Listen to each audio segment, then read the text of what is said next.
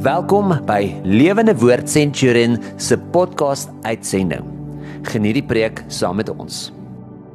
Here ons eer en loof U. Dankie vir 'n wonderlike wonderlike dag waarna ons weer U net so U naam kan ophef en verheerlik. Here, mag die naam bo alle name altyd in ons harte opgehef word.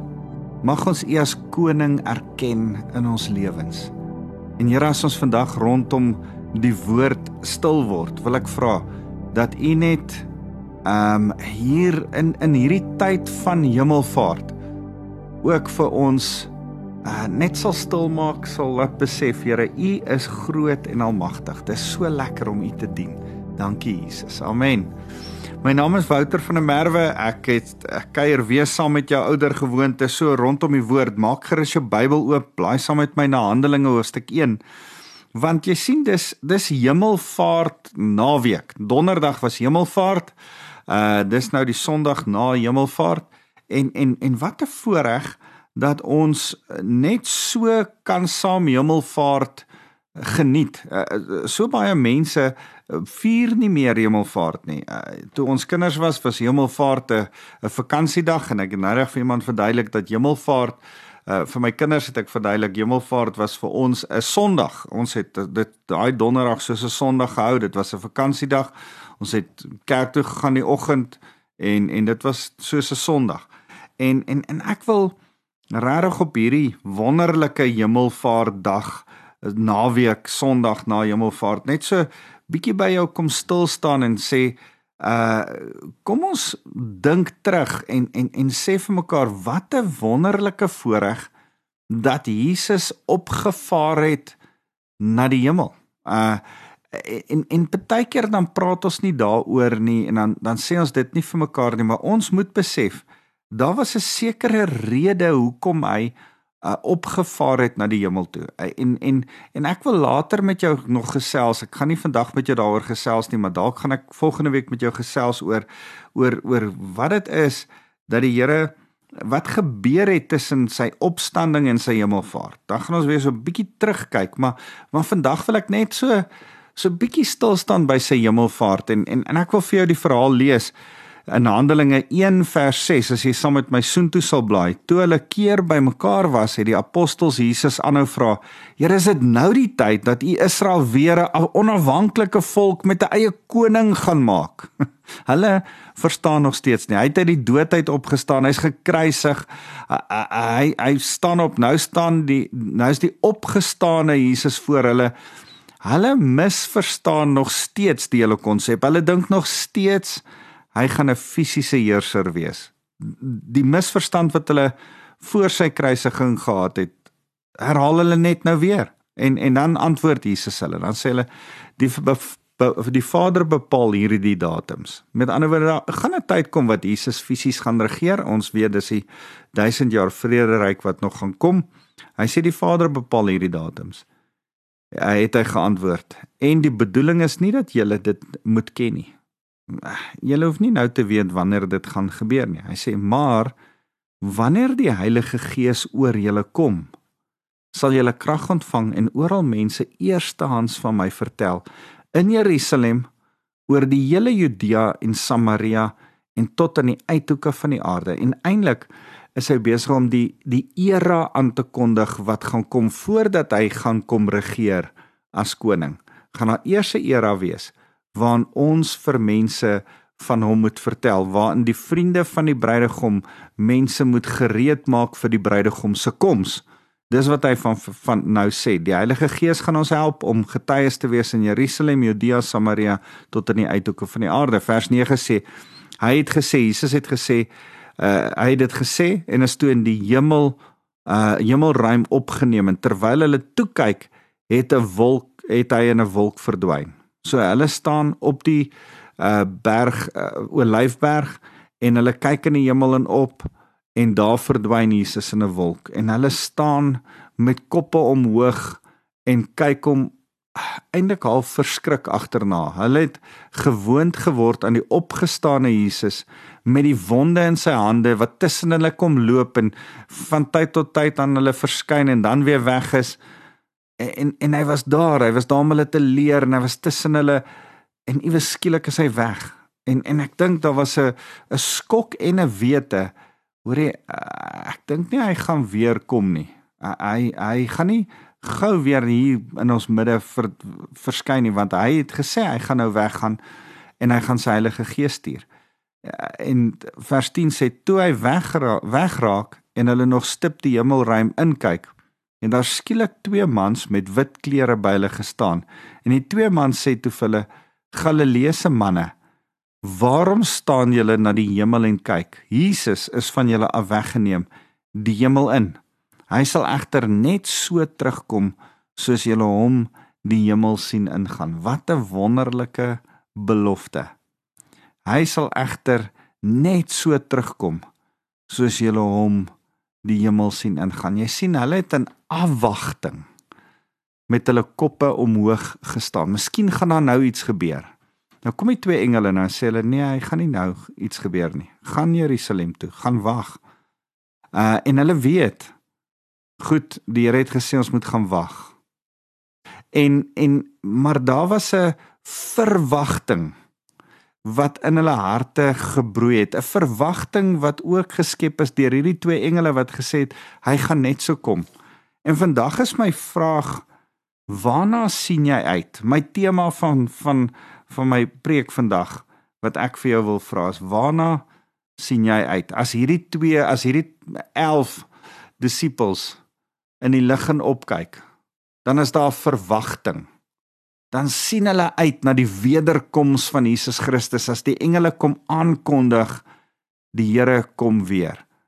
Onthou hy het nou net vir hulle gesê gaan wag vir my dan gaan die Heilige Gees oor julle kom sodat julle krag kan ontvang om getuies te wees. So die Here beloof hulle die Heilige Gees, hy beloof hulle krag, hy beloof hulle 'n getuienis van wie hy is. Maar hulle vang dit nie. Hulle staan met koppe omhoog. Hulle het net 'n verwagting vir hom. En en terwyl ek aan dit dink en terwyl ek my, my ek probeer myself altyd so in die disippels se skoene sit. Wat sou ek gedoen het as ek daar gestaan het? Ek dink met die politieke omstandighede ehm um, die die die goed waardeur hulle op daai stadium was het hulle miskien gedink, Here, kan ons nie saam met U in die wolke opgaan nie? Kan ons nie saam met En nou kom hierdie engele en sê nee nee nee, nee, julle gaan hom sien kom so op die wolke soos wat julle hom sien gaan het. En en terwyl ek dit bid en besef, sjoe ek wonder wat gaan deur hulle koppe. Ehm um, dink ek onwillekeurig aan hierdie vers van Efesiërs 3 vers 20. Efesiërs 3 vers 20 sê hy moet geprys word, hy wat mag het om deur die krag wat in ons werk. Die krag wat in ons werk is die Heilige Gees deur hierdie krag wat in ons werk, die Heilige Gees, oneindig meer te doen as wat ons vra of dink om te vra. Die ou vertaling het gesê hy gee ons meer as wat ons kan bid of dink. Um en en ek ek wil vandag met jou praat oor jou verwagting.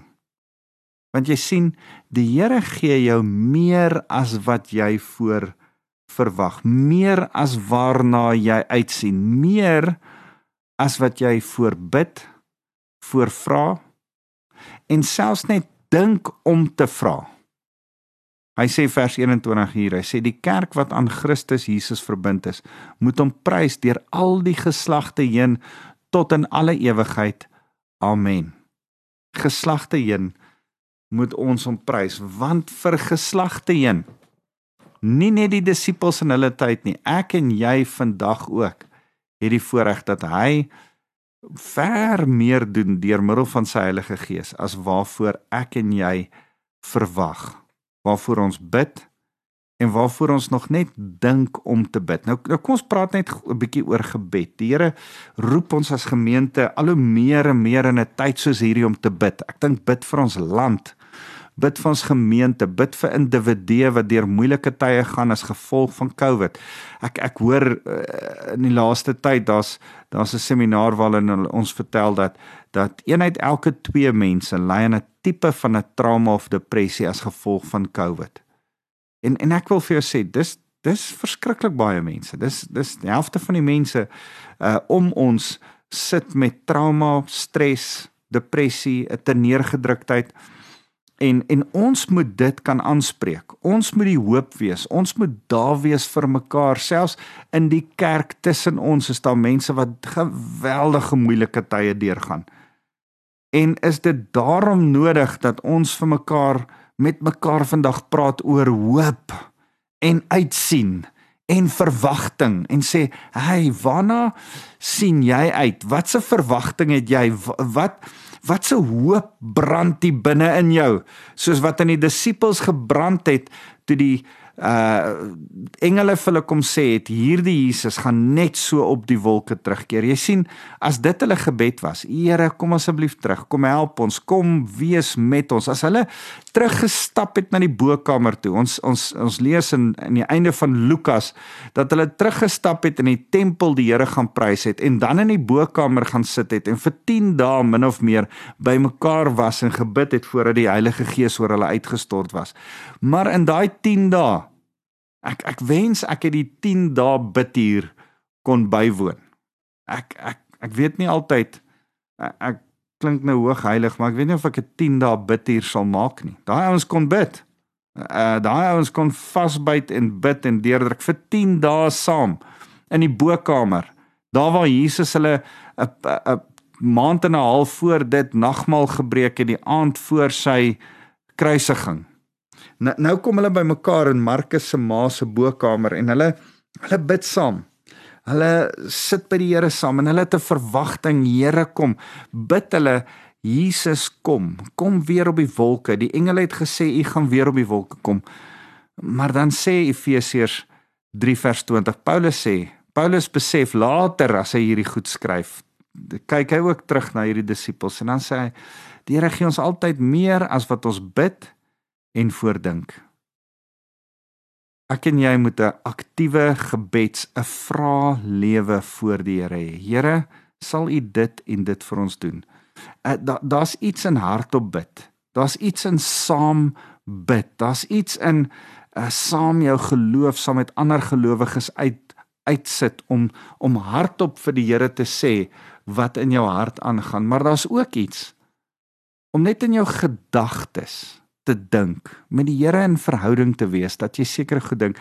Dit het al met my gebeur dat daar sekere goed is wat ek nog net oor begin dink het, dan doen die Here dit al vir my. Dan dink ek, "Sjoe Here, dit was nie dit voel nie asof dit fair is nie, want ek het dit nog nie eens eintlik verwoord of gevra nie en dan doen U dit alreeds vir my."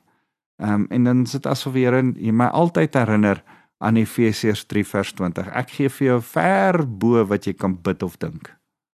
As jy dit nog net dink, is die Here deel van jou gedagtes. Die Here kan jou gedagtes lees. Is dit nie so wonderlik dat die vyand kan nie jou gedagtes lees nie. Ander mense kan nie jou gedagtes lees nie. Maar jy weet wat jy dink. En die Here weet wat jy dink. En wanneer jy in jou gedagtes met goed stoei, is hy daar. Weet hy van dit?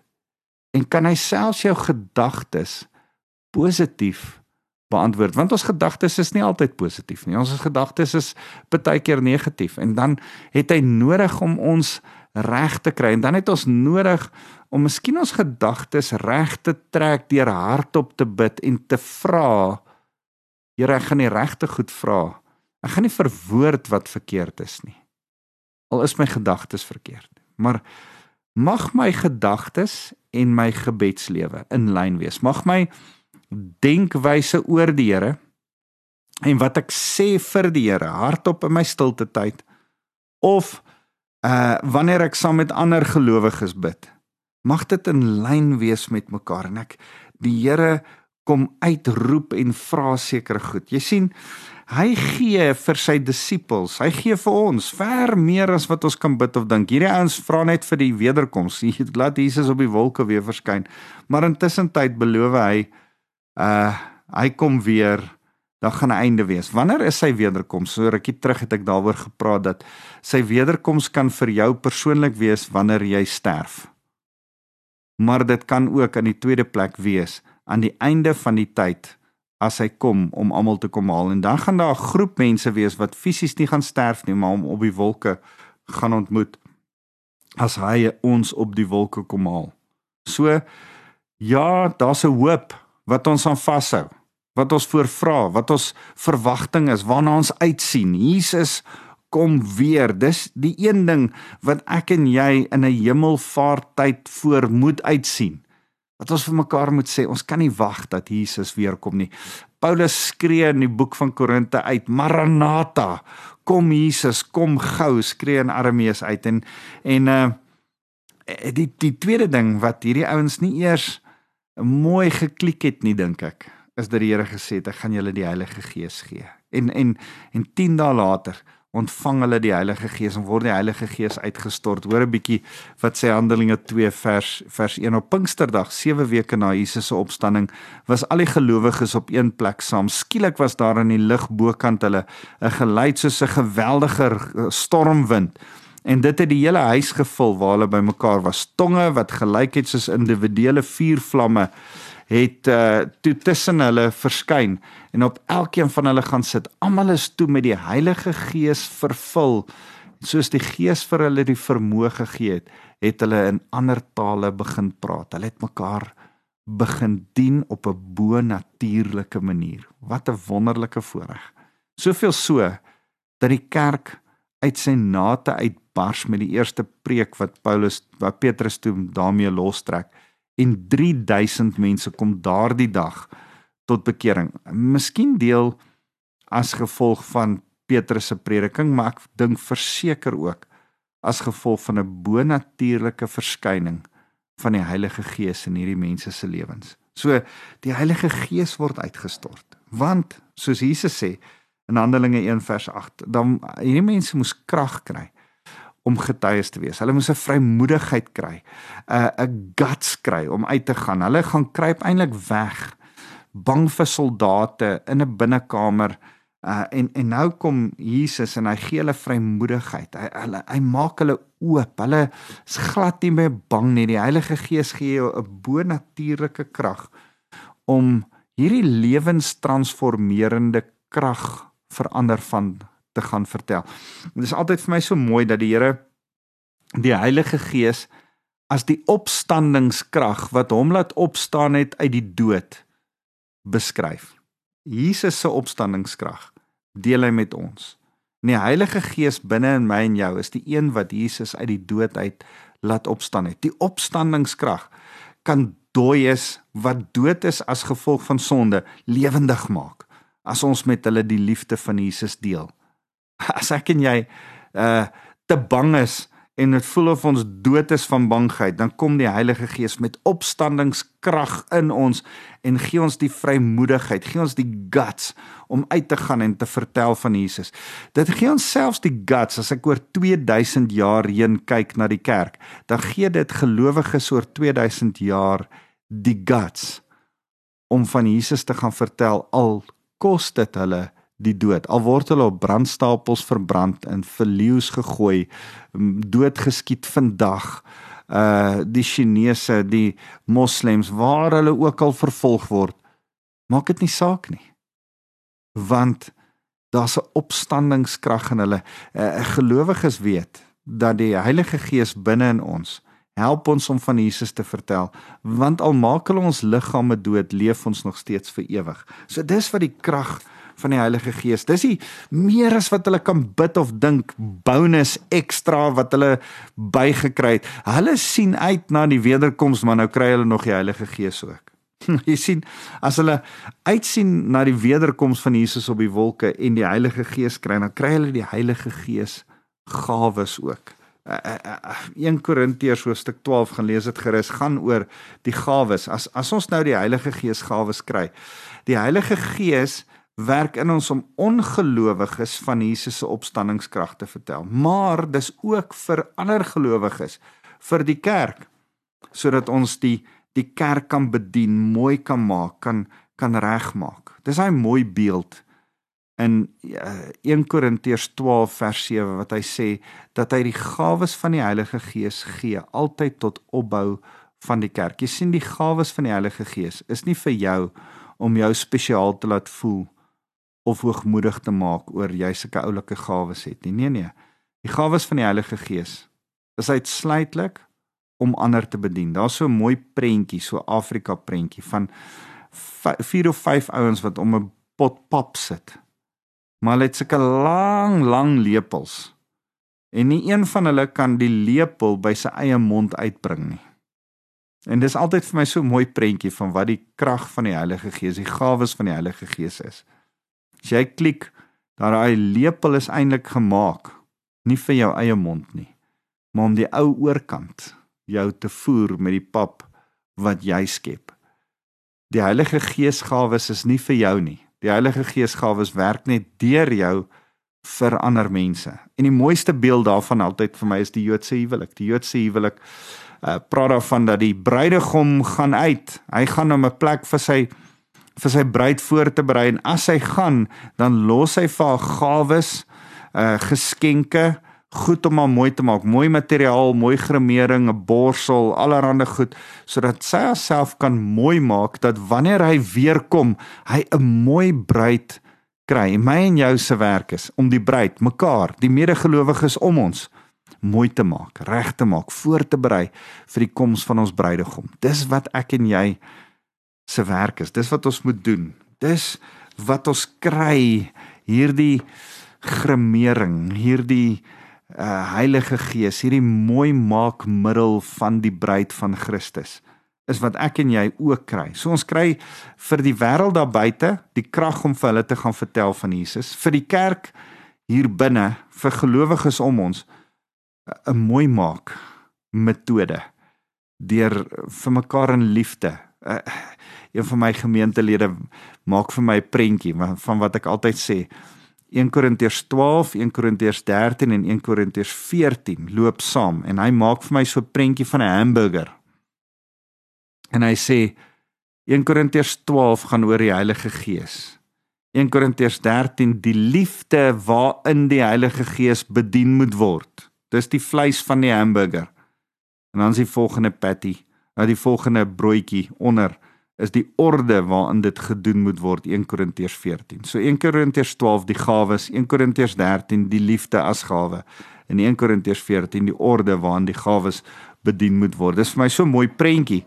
Ehm um, van van ja, ek en jy moet in liefde ander gaan bedien. Hy gee ons meer as wat ons bid en dink. Waarna sien jy uit? Jy sien die derde ding, hy hy, hy gee vir ons hoop van 'n wederkoms. Die tweede ding, die Heilige Gees om om ongelowiges mee te bedien en gelowiges gereed te kry vir sy koms. En die derde ding wat hy vir ons gee, is die kerk. Die eklesia. Oralste waar ek lees hierdie week, lees ek my vas in hierdie woord eklesia die uitgeroeptes, die uitgesoektes. Die woord eklesia, uh, Griekse woord, vertaal ons in in in in in in Afrikaans met die kerk. Maar in Grieks was dit 'n politieke term. Dit was daai uitgesoektes wat die koning gaan kies om sy onderdane te wees. Anders as 'n demokrasie waar die onderdane die koning kies, kom ons in 'n teokrasie en kies die koning die onderdane. En as die koning die onderdane kies en hy kies 'n groepie mense dan noem hy hulle die uitgesoektes, die uitgeroepenes, die uitgekoses, die eklesia, die kerk. is dit nie mooi nie? Ek en jy is die bruidegom, die koning van die konings, se uitgeroeptes, se uitgesoektes. En dan is die grootste geskenk, een van die wonderlikste geskenke, nie net die hoop wat hy ons gee nie, nie net die Heilige Gees wat hy ons gee as krag nie, maar hy gee ons medegelowiges, broers en susters om ons.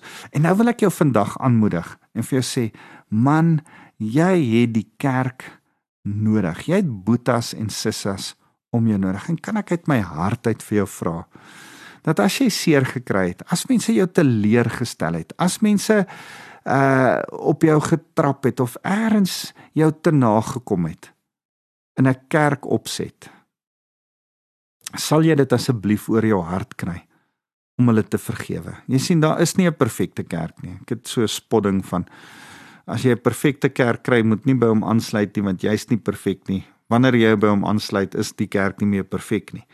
Ehm um, daar is nie iets soos 'n perfekte kerk nie. Kerk het mense in, maar die Here kies kerk met gebroke mense om sy liggaam te wees, sy bruid te wees, sy manier te wees om sy koninkryk aan die aarde, aan die wêreld, aan 'n gebroke stikkende wêreld te deel. Miskien sou 'n perfekte groep engele 'n verkeerde manier gewees het om aan 'n gebroke wêreld te wys wie Christus is. Want dan kon 'n gebroke wêreld sê, "Julle is perfek. Julle is 'n perfekte groep engele wat nooit sondig nie. Ons kan nie soos julle wees nie." Maar juis die feit dat die Here die kerk, die gebrokenes soos ek en jy gebruik om vir die wêreld wat ook gebroke is te gaan wys wat die liefde van Christus is. Dis die wonderlike ding van kerk. Dis die fantastiese ding van sy uitgesoekte, sy eklesia, sy groep wat hy gekies het om deur te werk, sy politieke mag, sy koninkryk, sy mense, sy ambassadeurs deur wie hy sy koninkryk wil verkondig. Dis ek en jy. So kan ek vir jou vra, maak jou hart reg teenoor kerk. Wie is deel van hierdie uitgesoektes waarvan 2 Korintiërs 6 vers 17 praat. En dan be, be, besef jy daar's daar's twee wonderlike goed wat gebeur as jy deel is van die kerk. Een, daar's 'n gemeenskap van gelowiges. Daar's familie wat jy voel en ervaar, mense wat vir jou lief is en omgee en jou bystaan.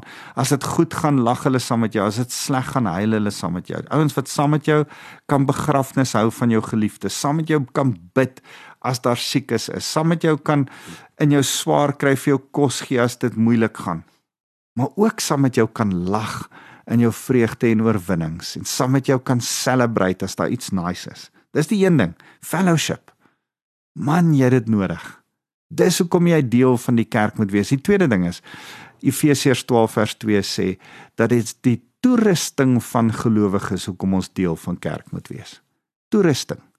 Jy moet toegerus word. Dis deel van my werk. Dis hoekom jy vandag na my luister. Ek's besig om jou toe te rus, maar jy het 'n beter en nog meer toerusting nodig. Jy moet deel van kerk raak om toegerus te raak om hierdie bruid van Christus te kan wees en 'n gelowige te kan wees. So kan ek afsluit en sê waarna sien jy uit? Want hy gee jou ver meer as wat jy bid of dink. Hy gee jou 'n hoop van 'n wederkoms. Jesus kom weer want hy's lief vir jou. Die bruidegom kom sy bruid haal. 2. Hy gee jou Heilige Gees om jou toe te rus en om jou krag te gee om jou gawes te laat werk na ander toe en hy gee jou 'n kerk, medegelowiges, boetas en sissas om jou wat vir jou lief is. Hy wil vir jou soveel meer gee. Waarna sien jy uit? Sal jy begin raak sien? dat hy gee jou altyd meer, ver meer as wat jy voorbid of dink. Maar dan impliseer dit dat ek en jy ergens by hom moet gaan sit en sê Here, gee vir my asseblief. En dan moet ons bid en dink. Doelbewus dink wat hy vir ons gee. So kan ek en jy nou saam bid. Here, dankie vir die hoop wat ons het dat U weer gaan kom. Dis die een ding wat ons weet. Here ver bo dit gee ons U ons nog die Heilige Gees ook en medegelowiges. Here wys ons waarna kan ons nog uitsien. En Here dankie dat daar goed is wat ons nie eers nou aan kan dink nie. Wat U nog vir ons ekstra gee. Wat U ons meer wil seën in ons persoonlike lewens self. Meer as wat ons kan noem, seën U ons mee. Here U is 'n almagtige God van oorvloed wat omgee vir ons. En Here, as ek dink aan Efesiërs 1 vers 3 wat sê U 'n Vader wat goed is vir ons, dan besef ek U wil altyd ons bes wil hê. Al sê die wêreld, al is ons persepsie nie dit nie. Here, is dit die waarheid dat U 'n goeie Vader is en ons eer U daarvoor. Here, nou wil ek kom bid dat U die goeie Vader elkeen sal seën met U goedheid en liefde. Here, mag die liefde van Jesus die hoop in sy wederkoms in ons harte brand en mag die Heilige Gees ons leer hoe om ander te bedien, ons 'n vrymoedigheid gee om die bruid van Christus in liefde vir ander te wees. Here mag ons boeties en sissies vir ander gelowiges om ons wees. Ons eer U Jesus. Amen.